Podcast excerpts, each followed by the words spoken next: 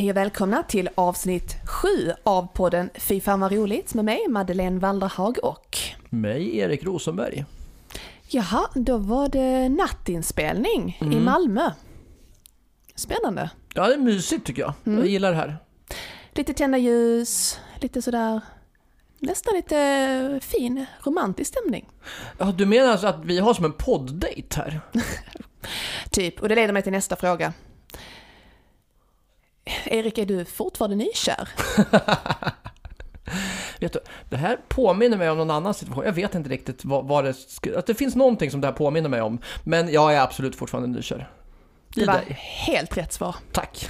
Du var i mig, i. Du var I i, dig, ja. i Magnus. Det hade kunnat bli en jätte, jättedålig stämning. Alltså, det är konstigt att ni aldrig har fått följdfrågan i vem. Alltså, det borde ju innebära att, att folk vet att, att det är dig jag är kär i, att det är vi. Eller så skiter folk i det. Nej, det tror jag inte. Nej, de, Nej. Bara, de är glada att du är kär men liksom pff, skitsamma i vem. Eller så tror de att det är Magnus. Jag tror inte det. Jo, Nej, jag tror inte alla är väl lite kära i Magnus. Alltså, jag förstår ju att folk har tycke för honom. Han är ju rolig och söt och så. Inte riktigt min typ. Så söt är han, väldigt söt. Du är mer min typ än vad han är. Lite bra faktiskt. Du är egentligen mest min typ också faktiskt. Tur för mig. Ja, visst är det tur. Lite side story verkligen. Ja, Ö- över genomsnittet. Alltså jag, på, på din typ. Mm, helt okej. Ja, tack. Mm. Du Madeleine, varför, varför sitter vi här? Jo, nu är det så här att vi har en podd tillsammans, vilket är lite märkligt att säga när ni sitter och lyssnar på podden. Men det här är alltså en eh, podd, eh, så det är alltså en nördpodd då. För er som inte har hört det här innan och det kanske är första avsnittet och det dyker in och tänker vad fan är det här liksom. Det är alltså en nördpodd om humor inom film, tv, serier, scen och radio. Och eh, det vi gör är att vi gör liksom nedslag i då eh, humorhistorien och så tar vi det, analyserar vi de sakerna som vi tycker liksom är roligt helt enkelt och så gräver vi ner oss riktigt rejält i dem och så presenterar vi det för er. Mysigt tycker jag. Ja. Och vem är du då Erik? Kan du presentera dig själv lite kort? Ja, ja uppenbarligen har jag redan introducerats som din pojkvän. Så, så långt är vi med. Men jag är en, en medelålders eh, man från Västerås som har Alltså detta är ingen datingsida nu. Nej, förlåt, förlåt. Det var inte den presentationen jag skulle ta. Okej då. Jag eh, har eh, poddat i nästan 10 år. Framförallt har jag gjort branschpoddar inom det som kallas för iGaming och det är inte alltså dataspel utan mer typ så här spel om pengar. Alltså kasino, roulette, poker, den, trav. Den typen av poddar har jag gjort. Och sen så gick jag över på, på mainstream-poddande och har, ja, men, har gjort mainstream-poddar i, i olika sammanhang. Du pratade lite om den jag gör med Magnus, bland annat Seriemördarna. Och nu gör vi den här podden. Så. Men, men den här podden är ju humor. Och där är jag en rookie och det är inte du. Nej, nej, det kan vi, nej men absolut. Ehm, jag har gjort, eh, alltså jag frilansar inom kultur säger jag alltid och det gör jag ju.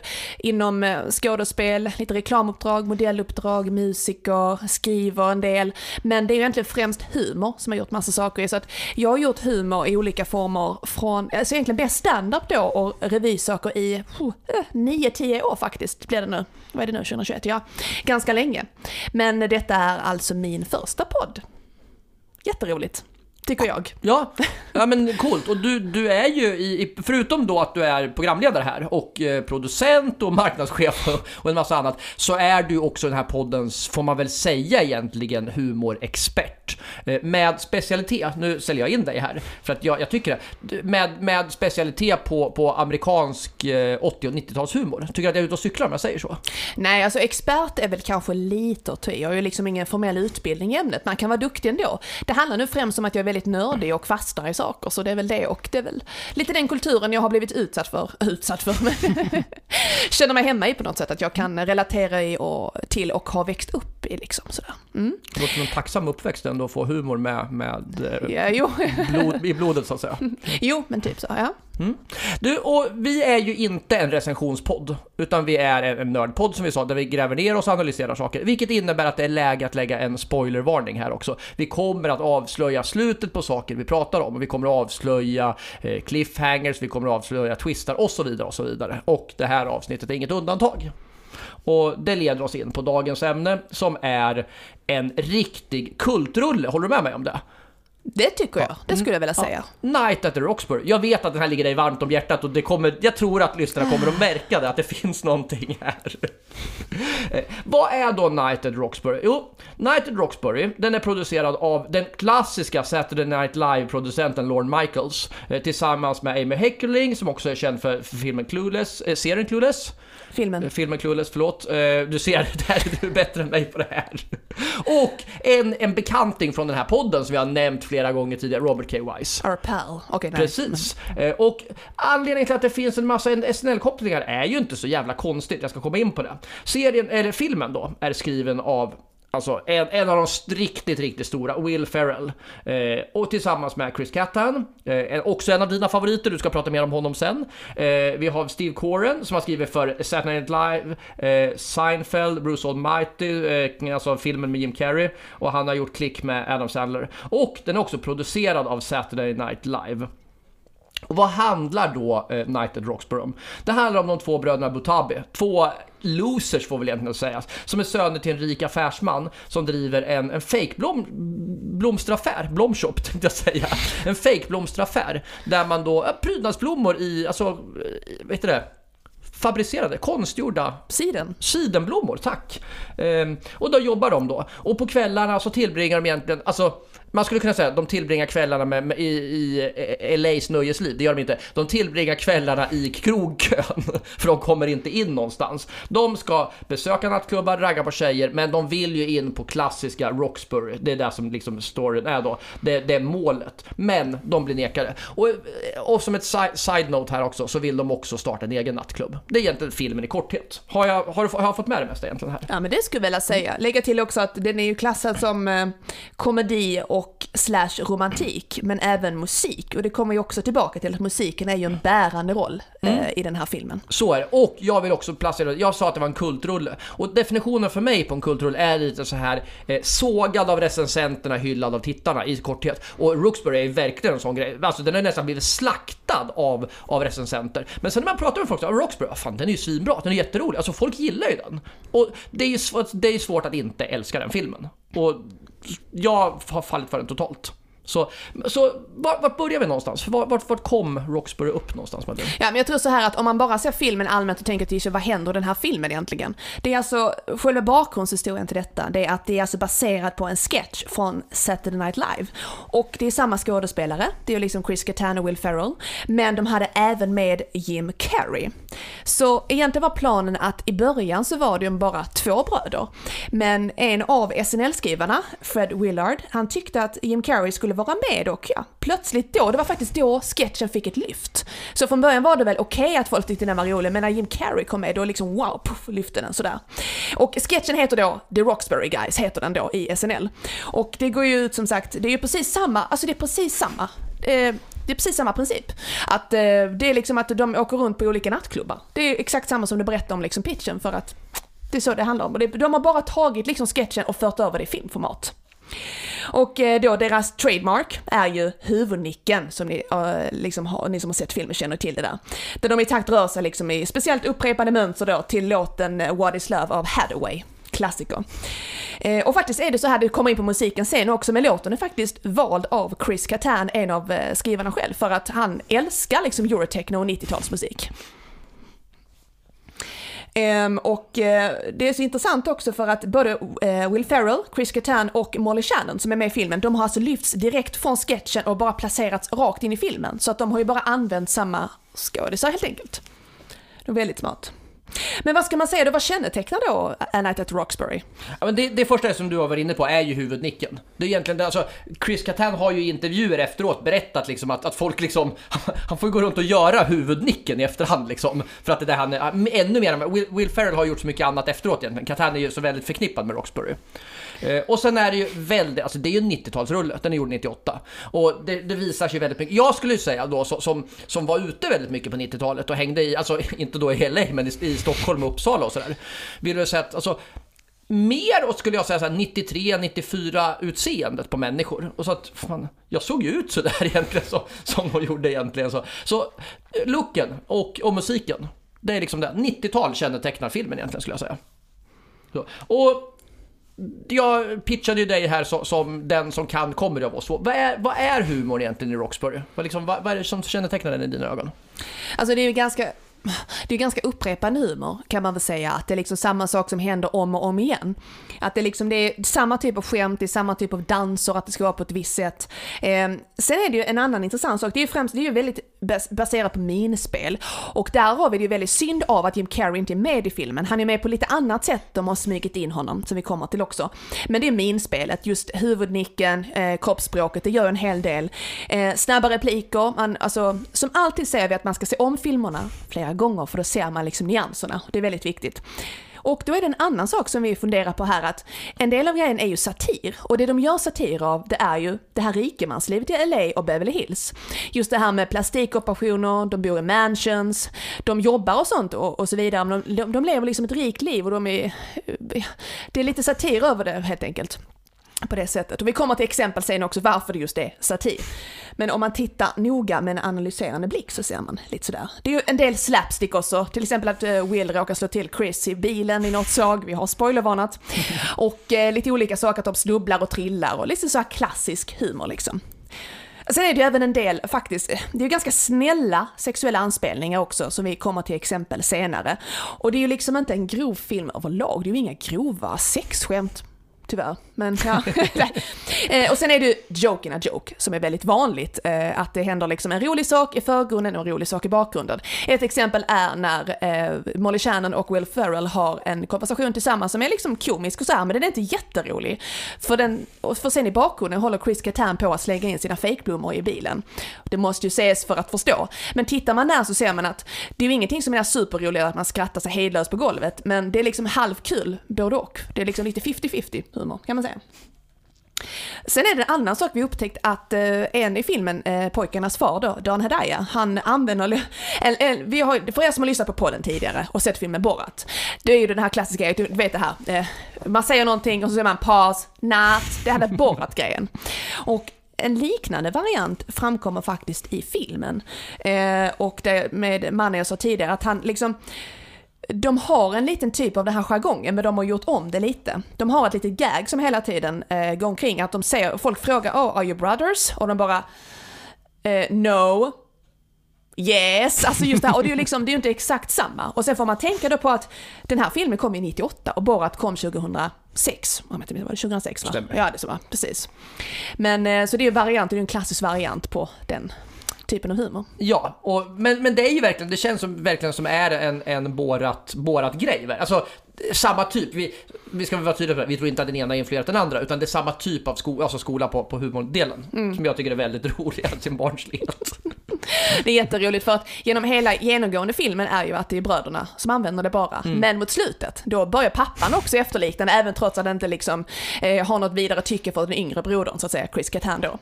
Eh, men nu, Erik, du nämnde till det här med musiken. Mm. Alltså musiken är ju eh, extremt bärande roll och som jag sa innan att det är Chris Kattan eh, har ju inte gjort musiken men han har ju valt att han ville ju att det skulle baseras på han, den musiken han tycker om. Och det var ju liksom det här klassiska 90-talet och du pratar om det här med eh, att de här låtarna och utseendet även då är ju ja, 93, 94. Och eh, min koppling till det här det är ju liksom att man hörde dem vid senare när man var lite, alltså när man gick på lågstadiet då, kanske 90, nu får jag fasen tänka här när jag gick på lågstadiet. Nej men jag gick på lågstadiet när filmen kom, alltså 97, 98 gick jag på lågstadiet och då kommer jag ihåg att man dansade till de här låtarna, det var jätteroligt. Och eh, ja, vi har lite annorlunda tidsperspektiv. Jag tänkte säga, vi kan väl avslöja att jag är några år äldre än dig här. Kanske! så alltså. Jag var ju, men alltså det här var ju min jag har ju inte varit inne på musiken i sig så att säga. Men eftersom många av de här låtarna var så stora, jag menar Just ta just What is Love med Hathaway. Var ju en monsterhit, jag menar den spelades ju varje gång man var ute någonstans. Mm. Så fick man ju höra vare sig man ville eller inte. Mm. Ace of Base spelas ju också, bland annat. Så det finns ju en massa låtar som går igen hela tiden. Cyndi ja. Lauper med mera, med ja. mera. Ja men jag tycker det är kul för att eh, när man då ser filmen eh, nu i efterhand när man är lite äldre så börjar man tänka tillbaka och tänka lite nostalgiskt att gud vad roligt det där var. Eller så var det inte så roligt men jag tror att, eh, alltså alla ni lyssnare eh, har ju någon form av hört låten oavsett vilket land man kommer från eller var man är uppvuxen. Att man har ju hört låten på något sätt. Mm. Och jag tror att eh, jag såg inte Roxbury-filmen när den kom på bio. Utan jag, jag är lite osäker när den, om den, det måste ha gått på bio i Sverige, men jag jag såg det nu i efterhand, typ 2000, pff, jag vet inte, 10 kanske, något sånt där. Det är ganska länge. När såg du den första gången? ja, ett par veckor sedan när vi bestämde oss för att vi skulle liksom göra Roxbury. Det är det som är så roligt. För att i vanliga fall så väljer vi någonting som bägge två har en relation till. Men här vet ju jag, alltså jag känner ju till filmen sedan tidigare. Och jag vet ju att det är en favorit hos dig. Så jag tänkte liksom att det är klart vi ska göra Roxbury. För jag vet också att du är ju, och här vare sig du vill eller inte, du är ju väldigt, väldigt kunnig på SNL just. Och eftersom då Roxbury har en tydlig koppling till SNL så kände jag så här, men det är klart att vi ska göra Roxbury tidigt. Så jag tittade på den och kände, men här är bra, det här gillar jag, det här ska vi göra. Så, alltså nu vek jag ut mig höll jag på att säga, men, men det blev en, ett så, en lång historia kort. Billigt, ja. Men, eh, eh, men jag tänkte så här att det är också bra att just balansen i det här att jag har sett den, jag vet inte hur många gånger, jag kan liksom, jag vet inte, jag kan nästan scen för scen och jag har sett den liksom 10-20-tal gånger och du har bara sett den ja, en, två gånger eller tre. Mm. Och jag tror det blir en bra balans i vad vi tycker och tänker och vad vi ser i podden, olika perspektiv. Och så bra att vi är olika ålderskategorier, att vi har olika relation till låtarna. Men jag tror att oavsett ålder så har man relation till de här låtarna och jag tror att soundtracket har ju en eh, uppenbarligen bärande del i det hela just och just den här huvudnicken att den, den låten här, Hadaways låt, den What is Love, den var ju också med i sketchen på SNL. Det är ju, ex, allting är exakt samma. Får jag fråga en sak? Mm -hmm. Vad tror du att den hade hade den funkat, låt säga att man hade valt en annan låt. Låt säga till exempel att vi tar, alltså man hade valt Roxette-låten The Look istället. Alltså, som, som också har varit liksom en världshit. Hade filmen funkat precis lika bra med en annan låt? Alltså hur viktigt är det att det just är Hathaways What Is Love? Jag tror att det är beatet som gör det i det hela. Just att man kan få till en, eh, alltså det är ju så att det kan bli en, liksom en grej, en kultgrej handlar väl om att man kan koppla en låt med en bra rytm så man minns det. Samtidigt med en tidsålder där kläderna och musiken var väldigt speciell. Det måste vi ändå säga att liksom den där mittbenen som Will Ferrell har i filmen och som, och som du hade då tydligen.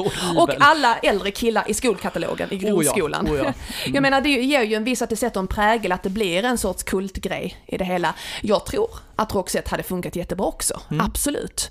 Eh, nu är de inte så, äh, de är inte euroaktigt så, men jag, jag, tror det hade funkat. Ja. Det är vad jag tror. Det har ju inte gått med en ballad, men det är ju klart att det, jag tror att det är själva, vad ska man säga? Men någon klassisk upptempo-danslåt ja, så att säga, hade liksom gått val Och just att man kan dansa till det för att, det sa vi inte innan med genre, men det är ju liksom lite dans, det är ju dans i det. Det är ju mm. väldigt många dansscener i det hela, vissa bra, vissa skitkassa, men det är, det är liksom, det är det som är att de, de, de är dåliga dansare de här bröderna. Det är också en rolig grej. Att det, det hade inte varit roligt om de var proffsdansare. Nej, och det som är kul, alltså nu vet inte jag, jag har för dålig koll på Catan, du kanske känner till det, men, men Will Ferrell vet ju både du och jag av erfarenhet att han är ju, alltså han kan ju musik. Han har ju rytm, alltså han har ju, han har ju taktkänsla. Mm. Så jag tror liksom att han är säkert bättre på att dansa än vad vi ger sken av i, i Roxbury, är min gissning. Mm. Ja men det tror jag också. Men när vi ändå är inne på det här med musik, du kan väl, du kan väl tipsa om det där YouTube-klippet? Eh, jag kan börja berätta först, vi kan, vi kan tipsa lite redan nu för det har ju med musik att göra.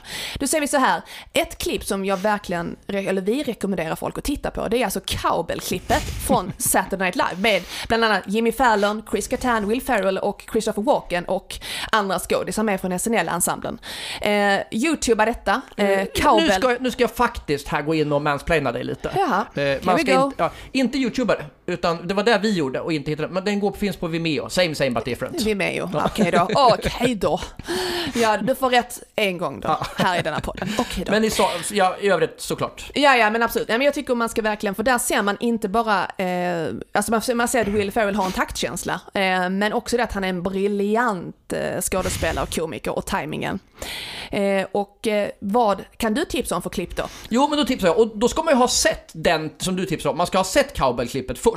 Sen ska man titta på, på Fer Ferrell Ch Chad Smith, alltså trummisen i Red Hot Chili Peppers. Eh, Drum Off tror jag den heter, eller Drum Battle. Som är på, visst är det, det är på Jimmy Fallons, är det night, Late Night?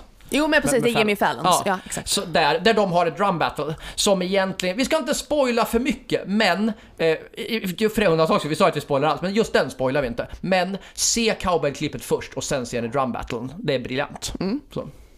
Och där visar, det ska vi också säga, där visar vilken jävla bra musiker Will Ferrell är. Han spelar trummor, alltså sjukt bra. Han är en grym trummis. Ja. Jag måste säga det. Det är klart att man kan med vilja lära in sig vissa riff och sånt, men alltså själva mångsidigheten i alltså hans taktkänsla, olika riff och sånt. Alltså det är faktiskt uh, för bra för att vara, nu ska du lära dig några trumknep, okej. Okay. Nu måste jag fråga här, av lite nyfikenhet så här, och det, är inte, det här är inte planterat. Folk tror så här, nu ska jag plantera någonting som, som känner dig så bra. Men, men det här är faktiskt en genuin fråga som jag undrar över. Du är musiker, mm. och jag menar du har ju uppträtt liksom professionellt, du har stått på scen och liksom, alltså, jobbar med musik.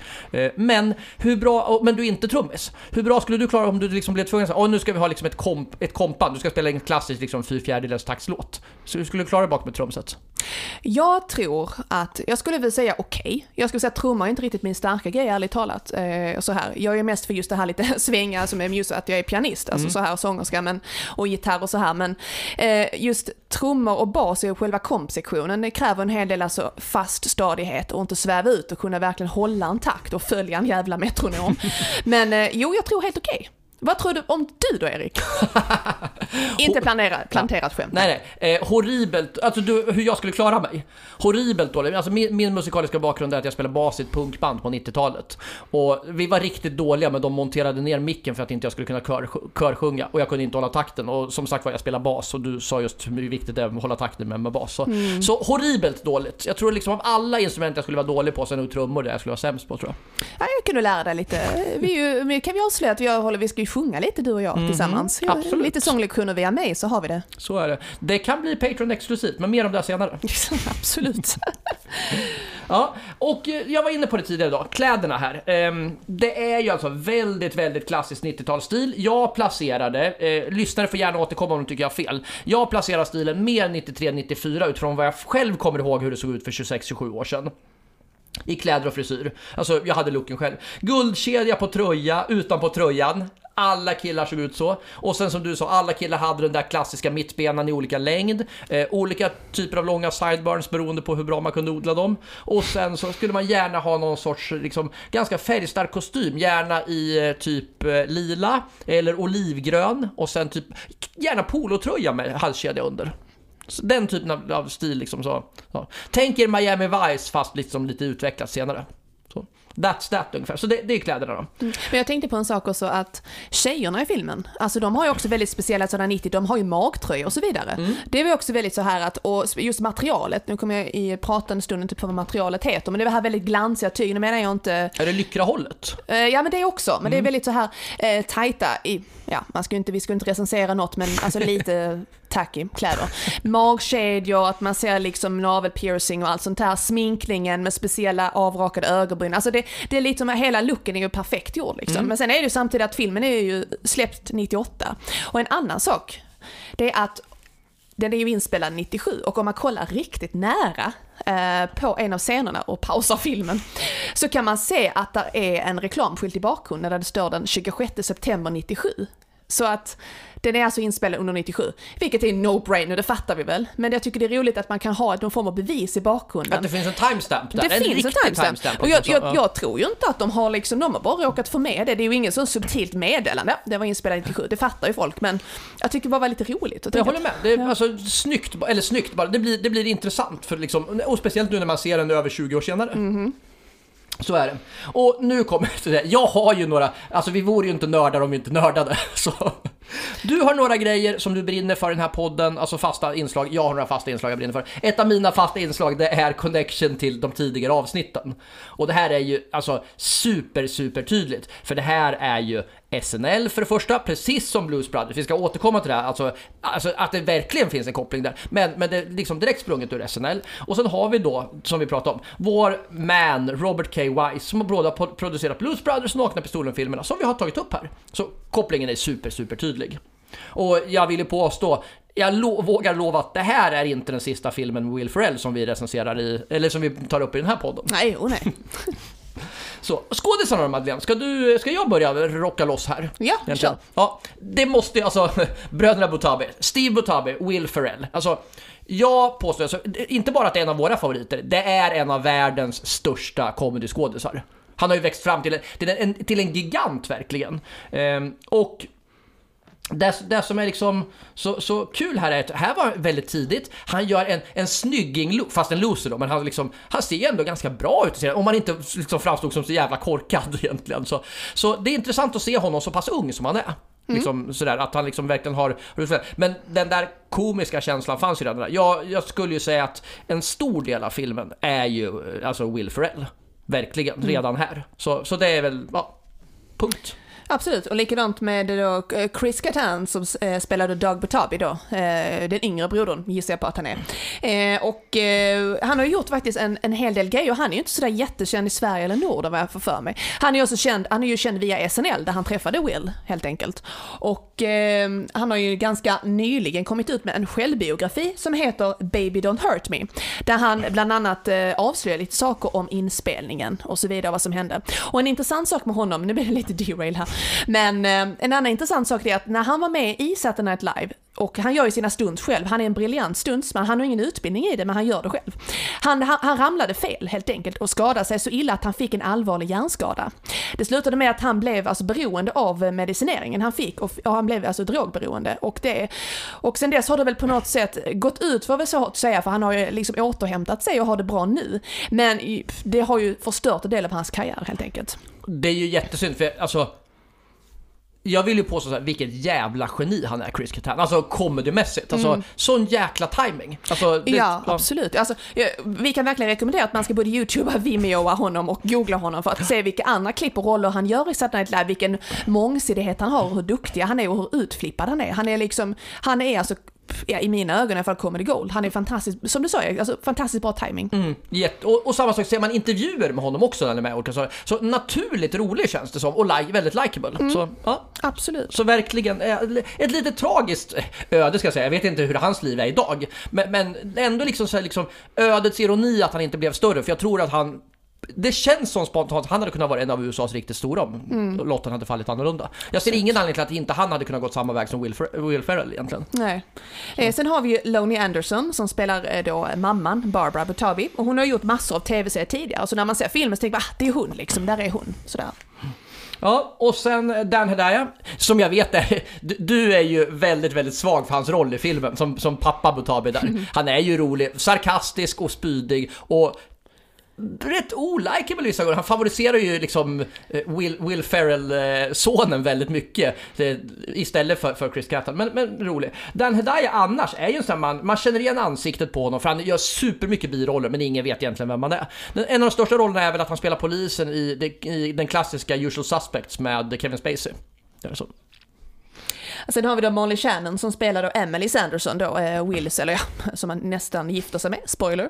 Så här, hon har ju varit med i Saturday Night Live också, hon var ju med i sketchen också, som vi sa tidigare, men hon var med i SNL-ensemblen mellan eh, 95 till 2001, det är ganska lång tid. Och eh, hon har gjort massor av andra roller också utöver det givetvis, mest kopplat till comedy egentligen. Mm. Och sen Mark McKinley, det är ju ingen, alltså, ingen stor roll egentligen, men det är ändå, alltså ganska tydligt, man plockar in en, en etablerad SNL-skådis i, i den rollen. Eh, så att folk känner, alltså har man sett SNL så kommer man känna igen honom.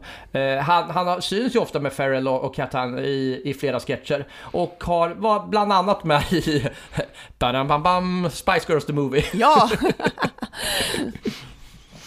eh, ja, och sen har vi då Lachlan Monroe, om jag uttalar det rätt, som spelar Craig då, som är deras personliga tränare då och har ett speciellt tycke för Emily. Och han har gjort otroligt många saker egentligen. Eh, han är Bettys pappa i Riverdale, han har varit med i White Chick som är en av poliserna, eller de detektiverna, och så är han med i Charmed, eller Förhäxad, som jag säger, den gick ju på TV3 för herrans många år sedan också, men där var han med och gjorde en roll. Mm. Och sen har vi då en, en väldigt avgörande då, jag ska återkomma till det här lite, men det är ju faktiskt eh, Richard Grieco, som den gamla eh, 21 Jump Streets eh, skådisen spelade med Johnny Depp i just kultserien 21 Jump Street. Och eh, han spelar, hold your horses här, wait for it, han spelar Richard Grieco. Woo, Så är det. Ja, Sen har vi även eh, Meredith Scott Lynn, hon spelar de som heter Credit Vixen, som är en eh, person som helt enkelt Dog Butabi ringer upp tid i tid och så här, hon, hon dyker upp ibland liksom sådär, tycker det är fint. Det blir väldigt bra ihopknutet på slutet, helt enkelt. Väldigt sött tycker jag. Jättegulligt. Mm. Har gjort, eh, hon har gjort bland annat Days of Our Lives, 182 eh, avsnitt av själva en miljon. Så att det, jag menar, och ändå har ingenting hänt på 182 avsnitt. det är helt, helt galet. Har du kollat mycket på Days of Our Lives? Nej, lite ofrivilligt om man varit hemma och så och tittat så bara där man, man slår på. På min tid, vi avslöjar att vi var lite skillnad på på min, på min tid var det kvinnofängelset. Ja, ja, ja. Man satt och tittade på. Ja, sen har vi också Michael Clark Duncan som spelar då eh, Roxbury i, i Utkastaren. Eh, och han är också så här som, namnet säger ingenting, men så fort man säger bara just ja, det är han. Och han spelar egentligen eh, Papa Bear i Armageddon och sen spelar han ju då i Gröna milen mot eh, Tom Hanks. Som är, det är hans två stora roller. Tyvärr gick han bort i en hjärtattack 2012. Så, ja. Och sen har vi då Eva Mendes och hon har ju en, alltså det är nästan en statistroll egentligen, men hon spelar alltså en av eh, brudtärnorna då på Emily och eh, eh, Steves bröllop. Och eh, faktiskt senare så har både Eva Mendes och Will Ferrell spelat äkta makar i eh, en film som heter The Good Guys, där även Mark Wahlberg är med. Så de möttes senare igen, lite gulligt. Coolt. Eh, och sen har vi Chas Palmentary eh, som är väl egentligen, jag skulle väl påstå utöver, efter eh, egentligen Will Ferrell, så är väl Chas kanske den mest etablerade skådisen i hela serien. Ingen superroll, men han är ju ändå ganska viktig för, för serien då, där han spelar då Roxburys ägare. Och och har en massa, ja men, han blir involverad i massa saker. För den som vill, vill veta vem han är, han spelar då polisen också i Usual Suspect, samma som Dan Hedaya. Men han spelar alltså polisen som sitter i hela filmen i princip och, och förhör Kevin Spacey. Det är Chas Palmentary. Och eh, en, här kommer ju, vi älskar ju konstig trivia här. Du har hittat, alltså, du på, lyfte ju någonting intressant för mig som jag inte hade tänkt på. Han är ju faktiskt, alltså det här är ju lite skryt så, han är ju en konkurrent till oss. Absolut, han har ju faktiskt en egen podcast som heter The Chaz Palminteri Show. Och eh, när vi tittar lite på poddtoppen, hur vår podd låg till, ärligt talat, vi vill ju veta va. Och så såg vi att han var där och den jäveln hade klättrat förbi oss flera gånger. Precis. Men eh, så här, och eh, ja, så han är lite sådär. Och då kan vi säga, får jag deraila här med poddtoppen? Då undrar folk liksom så här, men, men hur, hur liksom hur kan vi konkurrera på så här? Jo men alltså vi tittar på poddtoppen i Sverige, alltså hur vi ligger till i Sverige. Och då är det alltså så här att vi ganska ofta ligger före Chas Palminteri på svenska film och tv-seriepoddar i Sverige. Alltså hur, hur det lyssnar på i Sverige. I USA så misstänker vi att vi inte har samma bäring mot honom. Nej, jag tror inte än. Nej. Men det är för att vi inte översatte det till engelska än. Ja, det kan Ja. du göra älskling. Absolut. Ja, och vi har ju faktiskt eh, en, en ganska rolig roll till här också. Ja, just det. Det är ju eh, Vivica Paulin, eller Pauline heter hon nog egentligen, jag vet inte varför Vivica bra svengelska. Eh, Vivica Paulin måste hon heta. Eh, alltså hon är ju en skådespelerska från Göteborg, Askim utanför Göteborg till och med, eller heter det Askim? Det heter Askim. Askim, tror jag. Ja, jag kan Ja. inte prata längre. Eh, hon är ju Will Ferrells fru. Hon är ju skådespelerska, men hon är ju Will Ferrells fru. De träffades 95 på en teaterskola i Los Angeles, gifte sig 2000, har tre barn tillsammans, Magnus, Mattias och Axel. Det är jätte, så, så skönt att Will Ferrells barn har de svenskaste namnen som går att hitta. är fantastiskt. Eh, De har sommarstuga i Gnesta, jag åker inte dit och, och terrar dem. Eh, Men en annan sak tänkte jag, hon är alltså med i filmen, hon är credited som något som heter Porsche Girl. Inte Porsche Girl, utan Porsche Girl. Och vi har alltså letat och letat och spolat tillbaka och pausat, letat och har gjort analys. Vi hittar henne inte i filmen. Alltså vi har typ frame by frameat skiten. Alltså så går jag bara där, där, där, där, där, där, där. Och jag bara, det kan inte vara hon, nej gud. Eh, Så att, kära lyssnare, om ni hittar Vivica Paulin i filmen The Roxbury, nej det är inte Roxbury, så berätta det för oss, vi vill gärna se henne. Man har googlat och grejer, jag hittar inte henne. Hittar ni den och skickar så lovar vi att ni får en credit i något kommande avsnitt med namn. Det lovar vi, det lovar vi verkligen. Och när vi ändå pratar om att svårt att hitta folk som medverkar i filmen.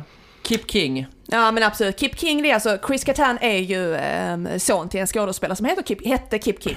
Och eh, han är ju med tydligen då och där satt vi sa, samma sak här och letade och letade. Och han är ju credited som kund i blomsteraffären. Och jo minsann, efter ett tag hittar vi honom. Han är med, nej, hur länge är det ens? En och en halv sekund. Inte ens det. Och han typ vänder sig om som man ser bara en lite äldre man. Så det vi gjorde var att vi kollade när han föddes, vi kollade på hur gammal han var när filmen gjordes och sen började vi titta på kunderna i butiken. Nej, han är för ung, det är för gammal, det är en kvinna.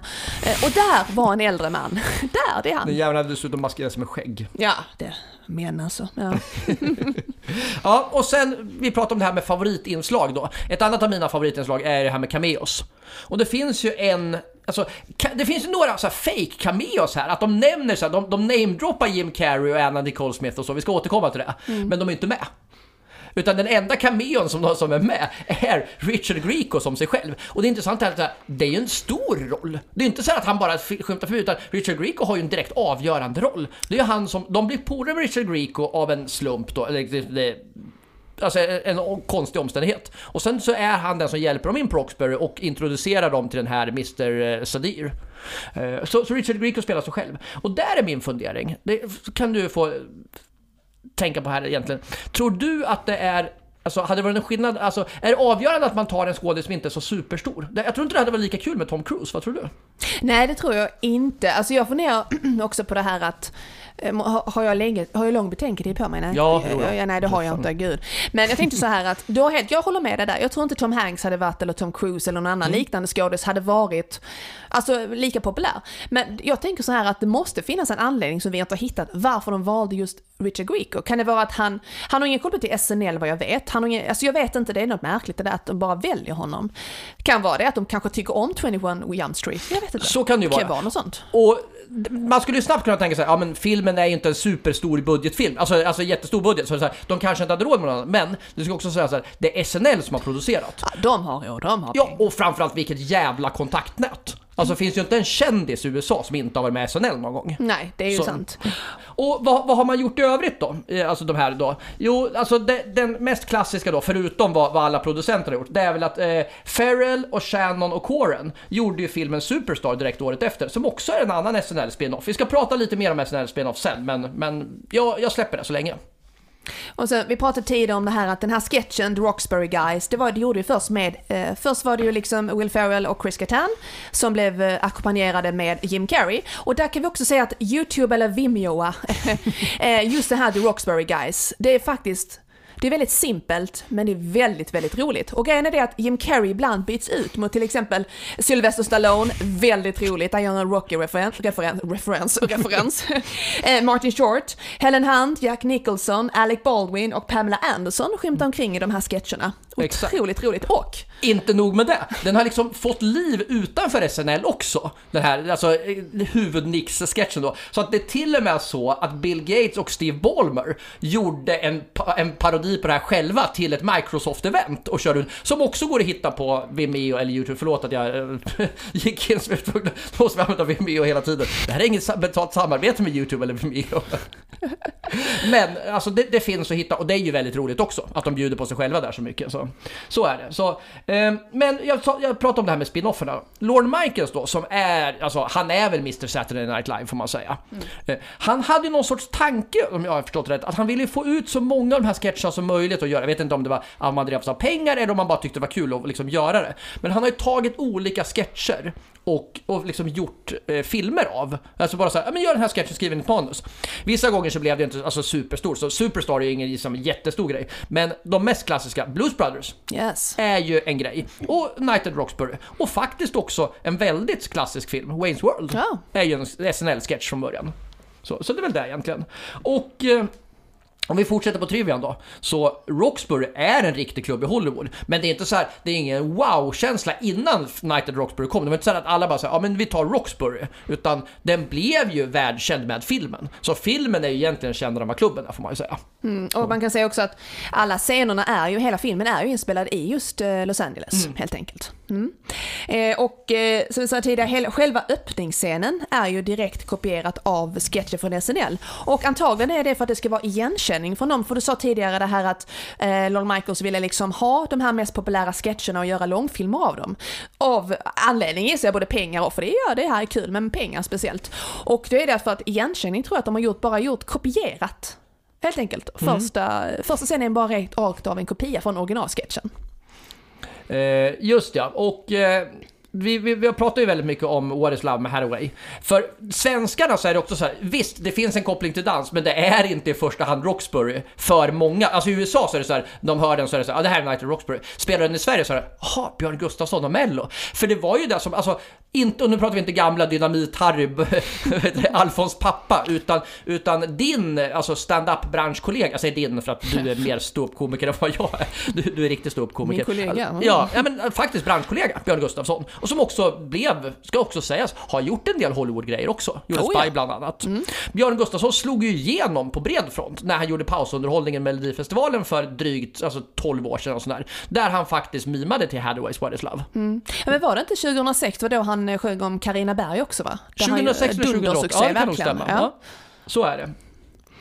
Men eh, jag tänkte på det också, vi sa det här om att eh, Jim Carrey är återkommande då att han var ju med i SNL-sketchen från början och han är med som en av har varit med och gjort filmen också. Men faktiskt inne på Roxbury så säger Mr Stadir att han ska gå och hälsa på Jim Carrey. Så vi sa innan att Jim Carrey är ju inte med liksom fysiskt i person, men han omnämns. Och man tänker där liksom, är det att han själv har velat vara med på filmen på det sättet att han bara, ja men vi skriver in mig som en replik, eller är det någon av de andra som har skrivit? Med honom liksom.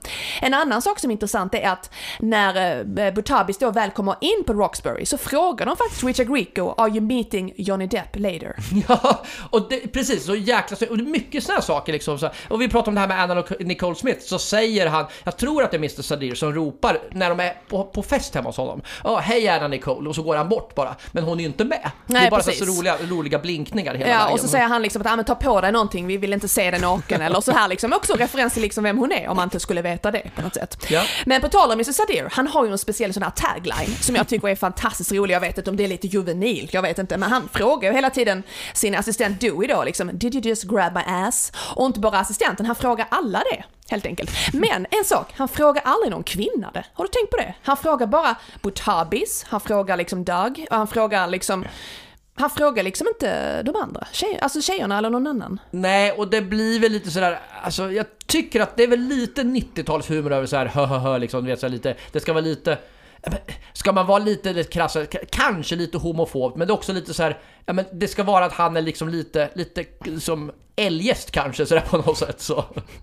Jag tyckte du sa älggäst. Nej, men han, han, han är liksom, det, det, blir lite weird bara för frågan blir så liksom out of context någonstans. Liksom hela ja men det är så absurt, det är ja. jätteroligt. Alltså att han, eh, alltså det är allt möjligt men, eh, men när han ser liksom de här eh, dansa ute på klubben, Butabi-bröderna möter två tjejer som de dejtar ett tag då och när de dansar utan var “there's some good ass grabbing out there” så han eller sånt där liksom. Men jag tycker det är värt att notera att om man tänker på att det är sexuell humor, att han inte riktade mot en kvinna direkt. Nej. Aldrig. Och det är faktiskt ganska schysst egentligen. Det här var ett väldigt plump, did you grab my Alltså, jag menar på det sättet, nej. Men en annan, på tal om just med kvinnor och sexuella anspelningar, Molly Shannons roll, Emily, hon är ju ganska subtilt eh, snuskig, man ska säga så här. Ja, och kanske inte bara subtilt, det blir en del, eller jo, det blir en del ganska explicit, men du var inne på det humormässigt också. Det är väldigt snäll humor för att ändå ha en del sexuella referenser.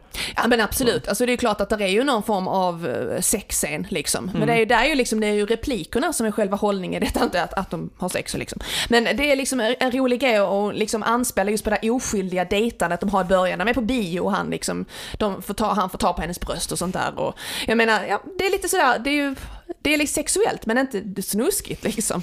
Tycker jag. Nej, jag håller med. Och det finns ju lite sådana scener som, vi, du lyfte en bra liknelse här. Det är lite Solstollarna över det nästan lite någon gång ibland när man visar så här från, från jag tror att det är till och med inspelat, kanske Long Beach möjligen, någon av de här klassiska beacherna i, i LA. Som man visar med bikiniscener. Och det finns ju den här poolpartyt hemma hos Mr Sadir. Så är det någon tjej som går upp i poolen topless. De visar det bakifrån så man ser inga bröst eller något sånt där. Men det är ju också lite så här oskyldigt men ändå lite sådär, lite grabbig känsla över hela. Jo men de zoomar in liksom såhär, nu kommer jag säkert jättemånga sitta här och titta på filmen av det kanske den anledningen, det är absolut. Men eh, alltså det är liksom inzoomning av kvinnors bakdelar och bröst och grejer och sånt. Och man tänker liksom att ja, men sen kommer ju själva poängen med det är ju egentligen för att visa att Bröderna Botabi går omkring i, i princip eh, string-speedos på stranden. Och att det är lite groteskt, eller vad ska man säga? Ja, men sen är väl också, alltså en del av humorn är, är väl också att de där två grabbarna är oskulder dessutom. Alltså det framkommer ju, typ, tycker jag mer eller mindre, att de inte... De, men de förlorar oskulderna de i får, filmen. De får ligga! Well done ja, boss! 42 sekunder. Så var det, just det, precis. Ja, nej men grattis till dem i alla fall. Men, men, men lite, lite av humorn bygger på att de är liksom ganska så sexuellt oerfarna men vill framstå som liksom, riktiga raggare sådär. Mm. Så. Jag vet det. Men om man går lite så, lite, om man tittar på lite andra djupare ämnen då, nu, nu analyserar vi egentligen humor, men själva det blir ju lite humor av till exempel att vi pratade innan att jag var väldigt förtjust i deras far. Det där lät ju jättekonstigt men... Du gillar, du gillar ju äldre killar. Jag gillar äldre, men han är lite för gammal för mig just nu. Men jag tänkte att han, hans roll är väldigt komisk och väldigt ironisk och han behandlar ju faktiskt sina söner, uh, Will Ferrell och Chris Gattan, väldigt olika. Han favoriserar ju Steve Butabi Will då, eftersom han gör gör som pappan säger. Men han är ju inte lika snäll och eh, så här för att Chris Kattan då, Doug Butabi, han vill ju gå sin egen väg, han vill driva sitt eget, han vill göra sina grejer, han vill leva i sin dröm att han vill öppna en nattklubb helt enkelt. Och det är ju han som pitchar idén om vad det är för sorts nattklubb och driver det hela och så vidare. Och det går ju emot eh, själva pappans plan att eh, de ska hålla liv i själva blomsterbutiken och så vidare. Och det är ju också så, ska vi säga så också, att Dog Butabi är ju inte så jäkla pantad. Han är ju den smarta av dem, men han blir ju, han blir ju liksom underminerad av sin egen pappa och måste kämpa hårdare för att få hans eh, liksom, eh, accepterande helt enkelt. Medan såklart Will stryker medhårs och får credit för det av pappan. Och det ligger en hel del att du sa innan att Richard Grieco har en bärande roll. Det är ju faktiskt Richard Grieco som binder ihop familjen igen och gör att pappan och sönernas relation blir bättre. Så vad hade de gjort utan Richard Grieco? Alltså, han, han är ju en känslig skådespelare som läser om människor. Va? Absolut. Så är det. Eh, sen har vi även så här att det är ju en hel del hänvisningar till Sverige. Och jag vet ju inte om detta är medvetet av Will Ferrell som varit med och skrivit filmen. Men till exempel, eh, bröderna blir ju stoppade av en eh, kvinnlig polis, eh, inspe inspektor, säger jag, inspektör, en kvinnlig polis heter det, trafikpolis. Och eh, då visade det sig att de ska vara i rätten för trafikförseelse den, tadam, 6 juni. Tadam. Det är massor av Ace of Base-låtar, men de var ju liksom, det var ju liksom en av de mest kända Euro, alltså Mm. banden ändå vid den tiden. Och när Molly Shannon och Will Ferrell har sex så skriker hon när hon kommer, så skriker hon IKEA. Ja, är. Vilket är eh, förhoppningsvis ovanligt, men man vet ju inte. Men sen är det att Will brukar ha en hint i Sverige och det är väl en, någon form av att han tycker om Sverige, hoppas jag. Och att Vivica är från Sverige. Alltså det är liksom att öppningsscenen, ni som har sett Blades of Glory, den här skridskofilmen, det utspelar sig i Stockholm. Men det är klart att allt som det är ju många sådana snörelaterade sporter som har med Sverige att göra, men det hade lika bra kunnat vara Kanada eller Norge, eller USA eller Ryssland. Men han väljer ju Sverige, helt enkelt. Ja, och en av de senaste stora rollerna som, som man såg honom i var ju den här Eurovision Song Contest Fire Saga-filmen. Som ju har jättemycket Sverigekopplingar. Bland annat så är ju, blev ju Molly Sandén eh, Oscars-nominerad för, för filmmusiken där. Eh, så, så det finns ju mycket. Och jag menar, alltså, det är väl inte så jäkla konstigt. Har man tillbringat varenda sommar i 25 år nästan i Sverige så är det väl liksom, det är inte jättekonstigt tänker jag att han har liksom en, en koppling till Sverige. Och vi har ju sett intervjuer att han brukar ju liksom flasha när han är i Sverige och gör liksom, alltså premiärgrejer. Att han flashar med att han faktiskt kan lite svenska. Mm, absolut, det är väldigt kul att se. Ja. Eh, Jag tänkte prata lite innan det här med satir över att de är i, från rikemans LA och Beverly Hills och det här. En av mina favoritscener i alla fall, det är att när ehm, eh, Butabis, paret Butabis har eh, besök av eh, paret Sanderson som är Emelies föräldrar då. Eh, så är det att anledningen att de besöker dem det är att de ska titta på eh, fru Butabis nya haka. Och liksom mamman säger då, Mrs Butabi, hon säger ju flera scener, åh är min haka bättre än förra året? Och det är ju liksom en satir över hur ofta de plastikopererar sig i LA och hur plastigt det är. Men jag tycker att det är fantastiskt att pappa säger att ja men nu, kom här och hälsa på dem, de är här för att titta på er mammas nya haka. Nej, det, det, det är jätteroligt. Eh, och en, en, alltså det finns... Alltså, det är lätt att förklara bort det här som en bagatell i, alltså i humorvärld, eh, eller humorväg. Men, men det finns ju väldigt mycket snygga små referenser. Det är så mycket små kopplingar som jag tycker man hittar efter ett tag. Liksom, så här, när, som, som vi upptäckte vet, när vi verkligen researchat det. En sak är till exempel att, att de sitter då och i, när de, när de då träffar de här Sandersons, så sitter, det är väl pappa Sanderson tillsammans med Molly Shannon som sitter och sjunger den här Cheers-låten, Where Everybody Knows Your Name, som är ledmotivet till, till tv-serien Skål då. Och då kan man också tänka så här, det är inte så konstigt, men då vet vi alltså, Dan Hedaya var med i 5-6 avsnitt av, av Skål. Det är ingen slump att de väljer den låten, det är jag helt övertygad om. Jättesnygg blinkning bara. Ehm, sen finns det också samma sak så här, man återkommer, flera referenser till det här You're Not On The List. Bland annat säger Michael Clark Duncan där flera gånger när han dyker upp den här utkastet då, You're Not On The List säger han. Och när de ska då söka upp den här Mr Sadir för att liksom ha ett möte, de tror att de ska ha ett affärsmöte med honom, så säger hon i receptionen You're Not On The List. Det är också roligt för det återkommer i deras liv. De här grabbarna är losers, de är aldrig med på listan. Upprepningshumor. Exakt, som du var inne på. Väldigt snyggt. Eh, sen, sen barnsligheter, också jag var inne på det här liksom, eh, homofoba liksom, skämt. Så finns det också lite så här ett skämt där de åker limousin då, där, där de skojar med Sadirs assistent och skriker så här, ah, de skämtar så här, and your mom skriker han, och då Will, Ferrell förstår inte skämtet, han skriker and your dad skriker han också. Och Um, eh, vad heter det, eh, Catan, blir såhär, looken hos Catan och så här, nej nej nej, alltså ungefär som såhär, vad säger du? Det där tror jag inte jag hade funkat idag. Alltså jag tycker, skämtet är roligt Ja, för att det det framstår liksom att, att Farrell inte, alltså det roliga är att Farrell inte förstår humorn Mm. här. Men det är ju också, det bygger också lite på liksom såhär skämten, alltså åh, han liksom drar liksom ett skämt om liksom homoskämt här. Ja men lite så, Så, men det är ja. Mm. klart att det, det blir ju lite plumpt idag. Det tror jag inte jag, är ingen här man bara, ja ja okej då. Men det, jag tycker också det är roligt. Det är roligt för sin tid. Och det, är liksom, det bygger på liksom roligt minspel och roligt liksom, ja, bra gags mellan dem egentligen. En annan rolig sak man tänker på att eh, karaktärerna är ju ganska olika. Just att Dag och Steve att Dag är den som är, alltså den så kallat smarta av dem, att eh, Wills karaktär Steve framstår ju som ganska pantad. Till exempel när bröderna bråkar så flyttar ju, de bor ju hemma hos sina föräldrar i det här mansionet och då flyttar ju Dag Butabi ut till gästhuset. Och Steve Butabi är ju helt utom sig då för att, ja men herregud vad hemskt, det är ju så dålig standard där ute. Och varför är det dålig standard? De har bara TVn, cin- alltså de har ju bara Cinemax på TV, but there's no HBO. Och där måste ju vara såklart en koppling till de liksom, eh, vad heter det, streamingtjänster är det väl inte? Det, det kan vi säga. Men det är ju så otroligt roligt, alltså det är också lite satir över liksom att, lite ilandsproblem skulle man väl säga. Men herregud vad hemskt, Cinemax, gud vad kast.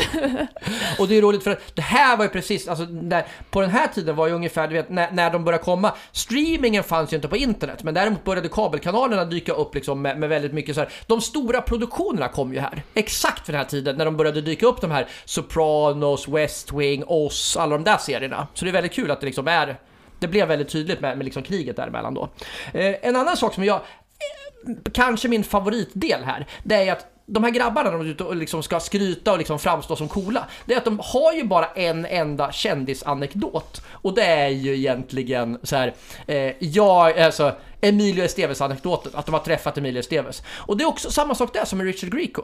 Man har en ganska dålig anekdot om en halvkänd skådis, det är ungefär det som finns. Men det funkar ju, för att de återkommer och berättar den hela tiden. Det blir också, som du sa, upprepningshumor. Och Emilio Esteves, för den, den som skulle ha missat det, han var superstor på, på 80 och 90-talet, men är väl idag kanske mest känd som, som Charlie Sheens skådespelande brorsa. Också då son till, till eh, Martin Sheen. Ja. Så.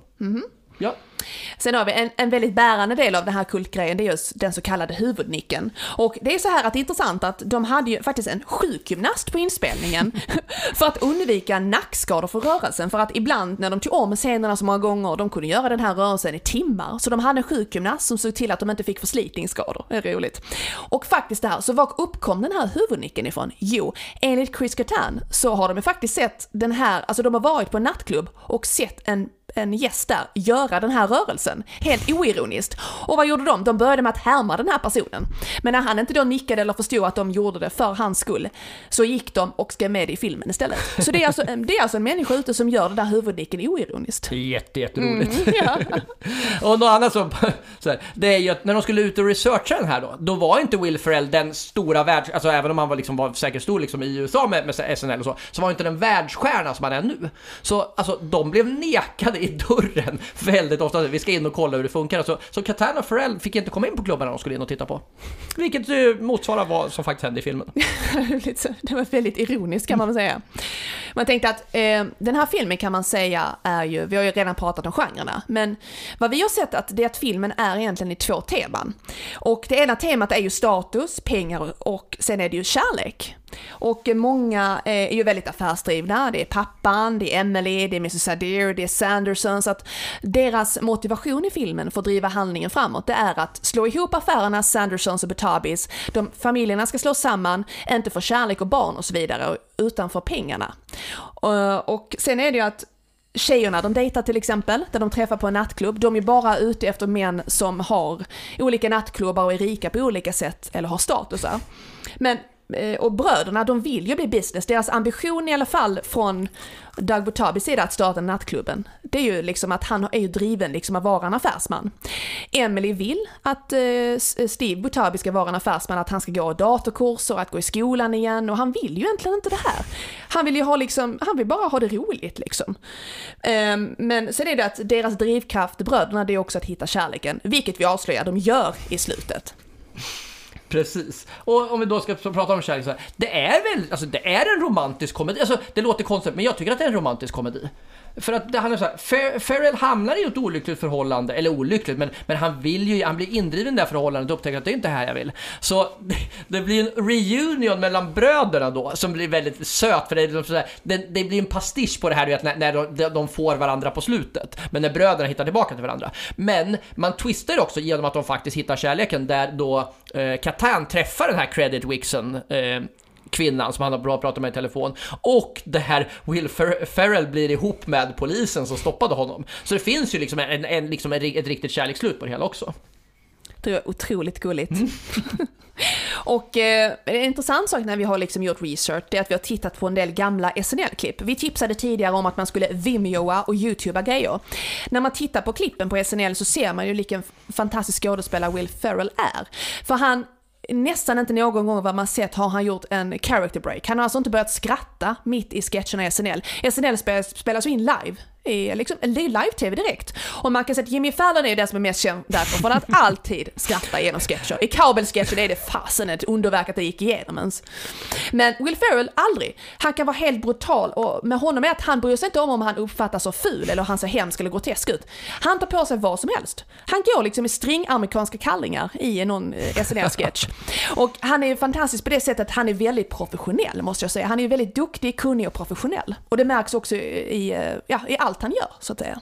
Så är det absolut. Och det gäller ju även eh, Katana är också, alltså tappar ju också eh, character ibland också i där. Men, men, och det är också, det ska också säga, det, det är ju en del av det som gör det roligt i SNL. Mm. Att, vi, att vi liksom tycker om det så. Eh, och vi har ju ett inslag också så här, humor som inte har åldrats bra. Eller liksom hur har det här funkat? Så jag skulle säga så här, filmen funkar jättebra. Alltså idag. Mm. Eh, men det som kanske inte, alltså på grund av metoo, och nu jag ska vara jättetydlig, inte på grund av, alltså, så metoo, jättebra. Alltså, eller så här, alltså, att liksom uppmärksamheten, att man verkligen uppmärksammade problemet, jättebra. Men det får ju också konsekvenser att en del humor eh, alltså inte funkar idag. Och det är väl en del saker som känns såhär, nej, det kanske inte är jättekul att de typ sådär äh, eh, eh, är ganska offensiv mot kvinnor inne på klubbarna och så. Alltså den typen av saker som man inte tänkte på då. Och det är väl jättebra att man liksom har tydliggjort liksom sådana saker, att man liksom har fått en medvetenhet om det när man tittar på, på filmen. Men med det sagt så skulle jag säga så här, jag tycker att Roxbury håller. Absolut, och ett tillägg också i det här att ja, det är ju väldigt att Roxbury Guys, eller just den här eh, Butabi-bröderna, är ju alltså en karikatyr, karikatyr vad ska man säga? Det är ju liksom en sån satir så att säga över just de här killarna som faktiskt finns på nattklubb, mm. antagligen fortfarande, och tror att de är snygga och eh, får någonting ut av att vara liksom tafsiga och på och så vidare. Det finns ju sliska typer, det är som parodi på den där slisktypen av killar som funnits i alla tider gissar jag på. Men sådana har du väl aldrig träffat? Alltså, du har inte stött, inte stött på någon? Eh, nej. Pass not, okej. Jo. Nej men så här, men, för, men för övrigt, jo jag tycker att annars så håller det fantastiskt bra, tycker jag. Allt. Mm. Och det är väl en jättebra avrundning på, alltså på, på Roxbury egentligen. Alltså se filmen, den, den funkar och den är jätterolig och den är fan så mycket bättre än vad recensenterna påstår. Absolut, ge den en chans. Ja, verkligen. Eh, om ni inte redan har sett den såklart. Och har ni sett den så, så titta igenom det vi har sagt igen och sen kolla om ni hittar eh, Viveka Paulin någonstans då. Och med det sagt Madeleine, var hittar man oss när man vill veta mer, om inte om Roxbury utan om Fy fan vad roligt? Nu har vi utökat lite det här så nu får ni vara med och lyssna. Vi ska göra det lite enkelt för det här. Vi har fortfarande vår Insta under namnet Fy fan vad roligt. Vi har Facebook under Fy fan vad roligt. Vi har Twitter under våra namn, för och efternamn. Vi har Clubhouse fortfarande. Vill man ha invites så skicka ett DM till oss. Vi har väl, jag vet inte, 14-15 alltså invitations fortfarande. Senast vi kollade. Ska Senast vi kollade, vi kanske blivit utslängda, man vet ju inte. Eh, men det är så, ehm, det krävs att du har en iPhone, mm. eller känner någon med en iPhone, eller så får du stjäla en iPhone. Vi uppmuntrar inte till brott, men ändå. Men det är alltså två nya saker vi ska presentera. Vi har sta ska start startat, bra. Vi har startat en diskussionsgrupp på Facebook, eh, som är en privatgrupp, så har ni inte blivit inbjudna, Antagligen får vi inte vän med er, men så är det. Så får ni helt enkelt ansöka, så får vi se om ni är liksom kreditvärdiga att vara med. Nej, ansök till gruppen, den heter Fy fan vad roligt diskussionsrummet. Mm. Och är en spin-off på eh, vårt Clubhouse-rum som hette Fy fan vad roligt diskussionsrummet. Exakt. Ja. Så vi har helt enkelt flyttat vår så kallade, vi har ju Clubhouse men vi har flyttat den verksamheten till Facebook för att alla ska kunna vara med och det är tillsammans liksom, nu kör vi. Så att man är väldigt välkommen dit och där är det att vi kommer lägga upp lite blandat material och varje gång kommer vi ha en diskussionstråd om det senaste avsnittet som vi publicerar. Och massa annat intressant. Ni kan lära känna varandra och vi kan ha mysigt och vi kan ha livestreamer och så vidare. Exakt så. Och vill ni snacka om någonting så är det liksom så här, det enda som man egentligen så här, alltså du pratar om vad du vill så länge som du har egentligen samma ramar som podden. Alltså det ska handla om humor på, på film och serier egentligen. Det är väl det som är temat helt enkelt. Exakt. Alltså vill man prata politik och annat får man nog gå någon annanstans. Men såvida inte det är en koppling till avsnittet eller liknande. Exakt så. Ja. Sen så har vi också, och det här tycker jag är jätte, jätteroligt, vi har ju dragit igång Patreon. Ja! Ja, och vad är då Patreon? Ja men Patreon är ett sätt att gräsrotsfinansiera sig. Alltså vill man supporta vår podcast så kan man göra det genom Patreon. Man betalar 3 euro per månad och då eh, supportar man oss. För att det ska också säga så här, det här gör ju vi vid sidan av våra liksom, ordinarie jobb. Utan det här, det här är vår, liksom, vår hobby. Så, och, så vi får ingenting för det utan vi, vi gör det här för att vi tycker det är kul. Men man får jättegärna supporta det. Och som tack för att man gör det så bjuder vi på lite extra material för Patrons. Vi lägger ut lite exklusiva foton. Vi, det kan dyka upp eh, någon, eh, alltså någon filmtips från någon kändis någon gång då och då. Vi slänger ut, och vad har vi mer Madeleine? Vi har lite bakgrundsinformation, extra information eh, från just kanske skaparna eller lite skvaller till och med. Saker som vi inte har nämnt i podden men vi vet och sitter på hemligheter. Filmer, eh, ja, filmer helt enkelt. Skrattar vi lite nervöst, inte sådana filmer utan filmer som alla kan se på i alla åldrar, inget annat. Eh, lite blandat exklusiva material helt enkelt. Mm, eh, bonuspodd, bloopers kommer det väl kunna bli Åh, lite. Saker vi tycker att vi liksom vi, omtagningar och sådana saker. Sådär, Mm. så. Och kanske någon ja, men, såhär, personligt snack när vi kommer på att vi vill säga något extra. Sådär, Mm. så. så är det så. Och vart hittar man den då? Patreon.com slash fy fan vad roligt. Så kommer man in och så reggar man sig bara. Och det är ju, ja, that's that ungefär. Det är väl det, jag tror vi har sålt in allting som vi skulle säga. Va? Absolut. Absolut. Ja. Och tack för att ni har lyssnat, otroligt. Och vi är väldigt tacksamma att ni är med och lyssnar och eh, ger lite recensioner och röstar på oss. Och det får ni gärna fortsätta med. Vi eh, uppskattar verkligen alla fina recensioner ni får. Gärna om det är positivt så får ni skriva det offentligt. Annars lite, ja, sådär. Ehm, och jätteroligt med alla kommentarer och likes och eh, positiva tillrop. Allting och bara att ni är med och lyssnar är otroligt värdefullt för oss. Och att ni bidrar på sociala medier och kanaler. Clubhouse, Facebook, Insta, allt. Verkligen tack. Exakt, och just det som du var inne på där, alltså, och det här med att vi gör det här, alltså det är, vår, det är vår hobby det här och vi gör det ideellt. Så ska väl också säga så här att vi har inga stora marknadsföringsbudgetar så att vi är jättetacksamma så här, gillar ni podden, sprid ordet. Berätta för en kompis, en mamma, ett syskon om att ni gillar podden och att de ska ge er en chans. Det är vi jättetacksamma för. Tack. Tack och ta hand om er. Puss! Hej.